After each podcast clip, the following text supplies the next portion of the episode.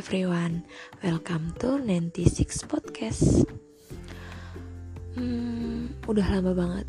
Nggak lama banget sih, ada kayak sebulan setengahan gitu Udah gak nge-podcast karena aku lagi uh, belajar time management. Karena kan akhir-akhir ini, alhamdulillah banget Ada beberapa kerjaan yang harus uh, aku selesaiin. Jadi uh, kerjaan ini tuh sifatnya juga berkelanjutan gitu loh. Jadi uh, akhir-akhir kemarin tuh lagi kayak memanage waktu aja gitu bikin balance antara buat diri sendiri sama buat pekerjaan gitu. Terus udah kangen juga kan ngoceh-ngoceh lagi ngobrol nggak ngobrol sih ya ngomong-ngomong gak jelas gitu di podcast. Jadi kemarin itu aku bikin polling tentang topik yang emang aku lagi penasaran banget nah banyak yang polling topik ini jadinya sekarang aku bawain topik ini. Uh, seperti biasa disclaimer kalau aku tuh emang bukan ahlinya di bidang psikologi tapi aku emang uh, penasaran sama topik ini. Jadi aku searching beberapa gitu beberapa uh, website yang menjelaskan tentang topik ini. Jadi uh, selamat mendengarkan Oke, jadi topik yang bakalan aku bahas sekarang itu adalah inner child. Jadi tuh kemarin tuh aku sempat beberapa lihat uh, di media sosial gitu ya banyak orang yang ngebahas tentang inner child yang terluka. Nah kayak gitu gitulah. Itu sih lumayan bikin aku tertarik ya. Ah pasti sebenarnya inner inner child ini gitu akhirnya aku cari-cari topiknya dan aku ketemu. Jadi kalau di bukunya John Bradshaw gimana ya bacanya Bradshaw ya gitulah ya. Itu dia ngejelasin the inner child is an individual child-like aspect. It includes what a person learned as a child before puberty. Jadi uh, inner child sendiri ini adalah sesuatu yang kita pelajari uh, di masa kecil sebelum kita pubertas. Nah kalau misalkan menurut dokter Diana Roop, bacanya gitu gak sih? R A A B Roop, itu adalah seseorang yang meneliti gitu loh tentang psikologi gitu. Dia bilang kalau inner child itu ekspresi sisi masa lalu. Jadi uh, ekspresi kita yang dimulai dari masa kanak-kanak segala pengalaman hidup kita yang ada di anak-anak. Maksudnya di masa anak-anak. Itu apa itu tuh nggak cuman pengalaman yang sedih yang bahagia juga ada. Jadi pengalaman tuh include pengalaman sedih dan pengalaman bahagia. Dan pengalaman itu sangat berpengaruh uh, saat kita mengekspresikan diri pas dewasa jadi pengalaman tersebut mempengaruhi proses tumbuh kembang kita. Nah, itu namanya inner child. Uh, kayak misal nih, kalau menurut cutting ya, cutting dan dan tuh bilang uh, anak-anak tuh kan sering main tuh sama teman seusianya, saudara sama saudaranya. Nah, itu mendukung dirinya untuk tumbuh menjadi sosok yang mencintai pertualang petualangan ketika dewasa mereka tuh juga cenderung memiliki kemampuan sosial atau bersosial dengan baik. Kenapa? Dari kecilnya dia udah main sama teman-temannya, sama saudaranya. Gak hanya hubungan pergaulan, hubungan dia sama orang tua itu juga berpengaruh. Misal orang tuanya sering tuh nanyain dia, kakak baik-baik aja atau e, gimana kak hari ini gitu. Misalkan dia nanyain anaknya kayak gitu. Nah itu sangat berpengaruh kondisi emosionalnya saat dia dewasa. Tapi kalau misalkan dia di di di saat kecil itu mengalami pengalaman-pengalaman yang buruk atau trauma atau kesedihan yang di masa lalu dan itu mempengaruhi uh, mempengaruhi di masa gedenya gitu loh. Jadi itu hal itu kesedihan itu yang ada di masa lalu atau trauma itu yang ada di masa lalu dapat nge-trigger dia saat dia dewasa kayak gitu. Nah sekarang yang kita bahas adalah kenapa sih uh, ngelupain si inner child ini tadi tuh nggak cukup? Kadang kita nggak nggak cukup ngelupain aja tapi kita harus nerima dulu kayak gitu kan nah jadi karena si uh, inner child yang terluka di masa kecil ataupun inner child yang bahagia di masa kecil itu sangat berpengaruh di dewasa kita maka dari itu kita itu udah nyimpen. Nah udah nyimpen hal-hal tersebut apalagi yang uh, hal yang bikin trauma. Nah karena kita udah nyimpen tubuh kita tuh udah nyimpen jadi suatu hari kalau misalkan kita saat dewasa itu ada yang nge-trigger kita untuk mengembalikan ingatan itu itu sangat bahaya. Jadi pengalaman yang menyakitkan di masa lalu atau hal-hal yang bikin kita itu uh, sedih di masa lalu saat kecil itu itu kita uh, bisa juga uh, berpengaruh gitu loh di masa depan. Itu akan muncul lagi gitu di, di masa dewasa. Kenapa sih kok sebelum puberti? Karena di saat di saat kita puber di saat kita sudah puberti kita bisa memilah mana mana yang eh, nggak uh, perlu kita save dalam ingatan kita. Mana yang harus kita lewatin gitu aja nah kalau anak kecil kan nerima semua tuh. Anak kecil tuh kan adalah peniru yang ulung. Anak kecil kan uh, apa otaknya itu adalah uh, alam bawah sadarnya tuh sedang aktif-aktifnya. Kalau menurut ilmu neurologi ya otak anak kecil itu nerima semua yang terjadi di masa dia itu gitu. Karena dia kan golden age kan masa masa masa dia uh, menyerap segala informasi. Maka dari itu sangat mudahlah uh, tubuhnya anak kecil tuh menerima segala pengalaman-pengalaman yang ada di masa kecilnya. Nah beberapa kasus itu memang uh, yang menyebabkan trauma atau menyakitkan di masa lalu itu uh, mendorong seseorang itu untuk melakukan hal yang sama. Kayak misal nih dulu kecilnya dia sering dimarahin banget dia memiliki tendensi untuk mudah marah juga di masa besar gitu. Untuk apa? Untuk pertahanan dirinya dia. Karena dia lihat orang lain uh, saat waktu dia kecil itu dia uh, dimarahin kayak gitu. Nah, terus juga kayak misal dia dipermalukan tuh di masa kecilnya dia punya memiliki kecenderungan saat dewasa nanti dia juga akan kayak gitu suka ngebully temennya kayak gitu. Jadi itu kenapa kadang kita harus nerima dulu si inner chat ini tadi. Bukan ngelupain gitu aja kayak gitu. Jadi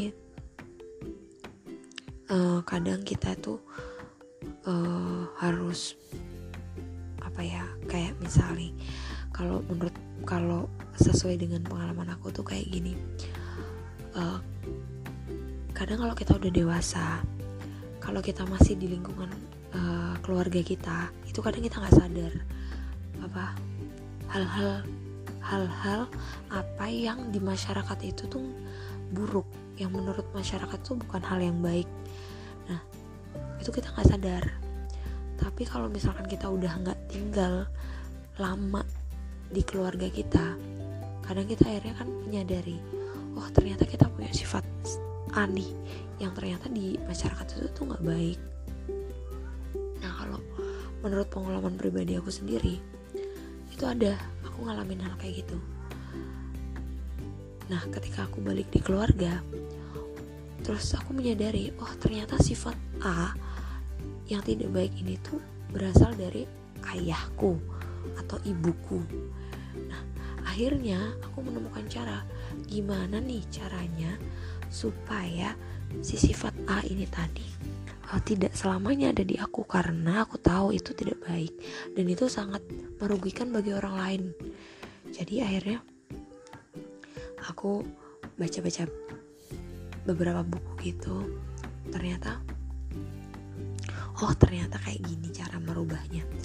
Nah awalnya emang susah sih kayak ngerubah gitu. Ngerubah apalagi ngerubah sifat orang tua atau keluarga kita ya pasti susah.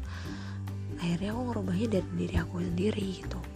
Tadinya bertolak belakang banget tapi lama-lama orang itu orang nggak tahu dengan sendirinya aja gitu keluarga itu kayak ngikut gitu loh kayak kayak berubah jadi baik kayak gitu. Kayak ah contoh sederhananya aja deh. Bilang terima kasih. Itu dulu di keluarga aku tuh lu apa ya bilang terima kasih kayak gengsi banget. Nggak ada tuh kata terima kasih. Misalkan nih aku dapat nilai bagus. Itu nggak ada tuh terima kasih. Kurang banget rewardnya di keluarga aku tuh kurang banget. Terus kalau misalkan nilai apa aku juara apa gitu itu nggak ada kata terima kasih tapi bukan berarti nggak sayang ya. Cuman ya gengsi aja gitu loh bilang terima kasih. Awal-awal aku tuh bilang terima kasih juga susah banget bilang terima kasih. Tapi karena mungkin karena aku tuh kebiasaan ya sama muridku untuk bilang terima kasih maaf tolong itu adalah sebuah contoh bagi mereka. Jadi akhirnya aku coba nih terapin di keluargaku misal mamaku masak enak banget. Ya udah aku bilang terima kasih. Setiap mamaku masakin aku atau mamaku tuh ngelakuin sesuatu yang bikin aku bikin aku senang itu aku always bilang terima kasih. Akhirnya mamaku tuh juga menghargai segala sesuatu yang aku lakuin.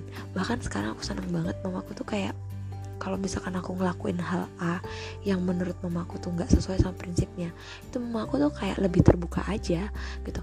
Apa sih alasannya gitu? Ya meskipun nggak nggak uh, selalu kayak gitu. Ya pasti ada aja ya yang bikin mamaku tuh masih merasa kayak nggak cocok gitu sama dia itu masih cuman berkurang. Kalau dulu tuh parah banget kalau sekarang tuh kayak lebih menghargai aja gitu. Terus emang sih mamaku sekarang nggak mengucapkan kata terima kasih itu nggak cuman lebih menghargai gitu loh. Lebih menghargai semua usaha kita kayak gitu terusnya selain mengidentifikasi kalau misalkan uh, inner child kita terluka itu ada uh, beberapa cara untuk menyembuhin inner child itu tadi. Nah emang nggak mudah sih tapi itu perlu dilakuin supaya hidup kita tuh lebih baik gitu loh. Uh, hubungan kita juga baik kayak gitu kan. Dan kita juga udah nggak apa ya nggak keinget-inget sama sosok yang bikin kita terluka yang pertama kita bisa tuh nulisin pengalaman-pengalaman atau perasaan-perasaan yang buruk.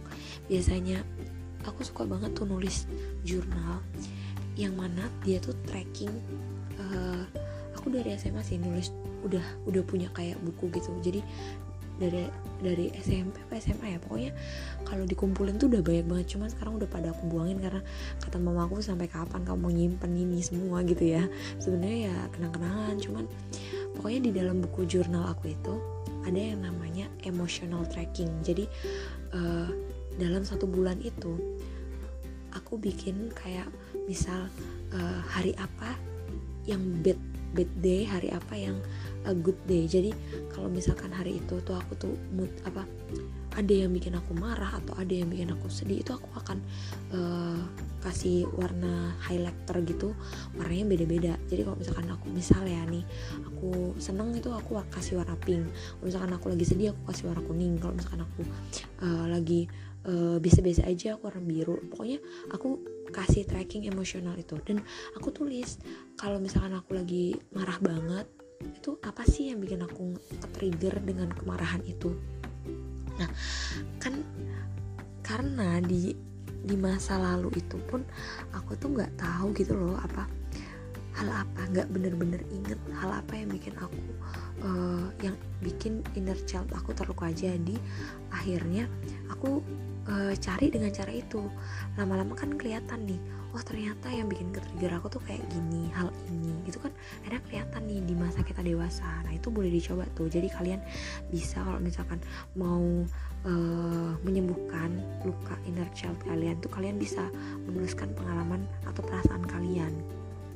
Dan dan lagi itu bikin lega. Beneran bikin lega banget. Mungkin aku akhir-akhir ini udah jarang ya cuman dulu itu sering banget zaman kuliah itu adalah masa-masa yang aku tuh kayak mencari di, jati diri gitu kan. Jadi tuh aku sering banget kayak dalam setahun tuh full gitu satu bulan apa ngisinya juga sering gitu dalam satu bulan satu bulan tuh ngisinya sering banget.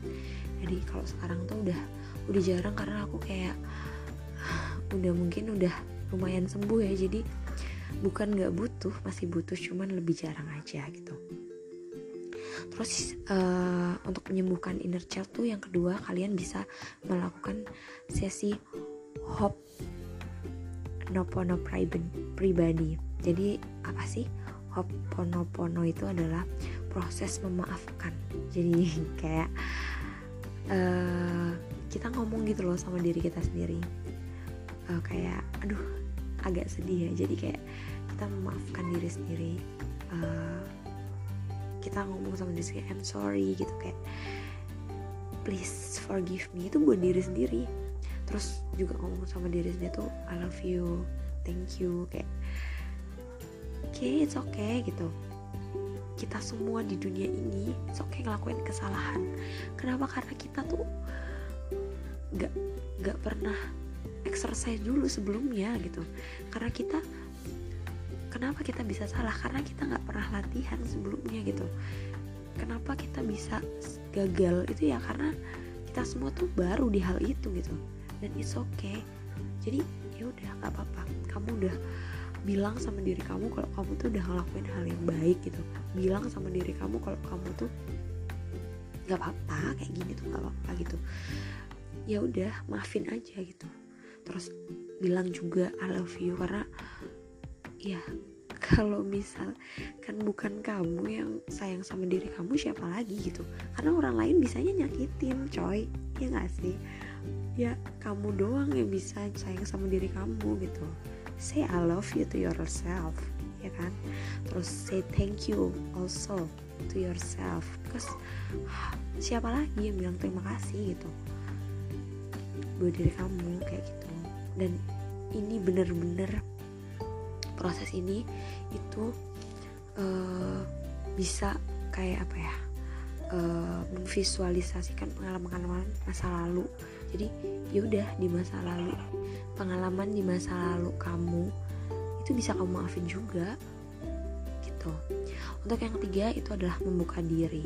Nah proses nyembuhin inner child yang membuka diri apa prosesnya sorry sorry proses penyembuhan child sendiri itu kan nggak sebentar. Itu proses umur hidup nggak ada akhir. Maka itu penting banget uh, membuka uh, membuka diri itu kayak berdamai gitu loh sama masa lalu gitu. Ya udah diterima keadaannya gitu loh. Dan itu sih bukan proses yang sebentar itu proses yang lama. Dan itu oke okay, ya udah di uh, uh, dijalani aja. Kalau emang kesulitan ya go to psikolog gitu. Ya udah kamu butuh bantuan seseorang kayak gitu. Itu sih mungkin tiga hal yang mungkin bisa ngebantu kamu untuk uh, menyembuhkan inner child yang terluka. Uh, kayaknya kalau misalkan kamu terlalu malu ya buat apa buat ke psikolog. Tapi nggak usah malu sih zaman sekarang ya ke psikolog itu belum, bukan berarti kamu gila. Justru kalau kamu ke psikolog berarti kamu paham betul diri kamu gitu. Jadi ya it's okay kalau kamu ke psikolog gitu. Atau enggak ya kamu coba apa ikut-ikut tuh. Sekarang tuh kan ada kayak satu persen terus kayak ada apa ya platform-platform yang membantu sangat membantu. Itu nggak perlu kamu ke dokter. Yang kalau kamu misal kamu kalau kamu bisa chat adminnya aja kamu bayarnya juga transfer.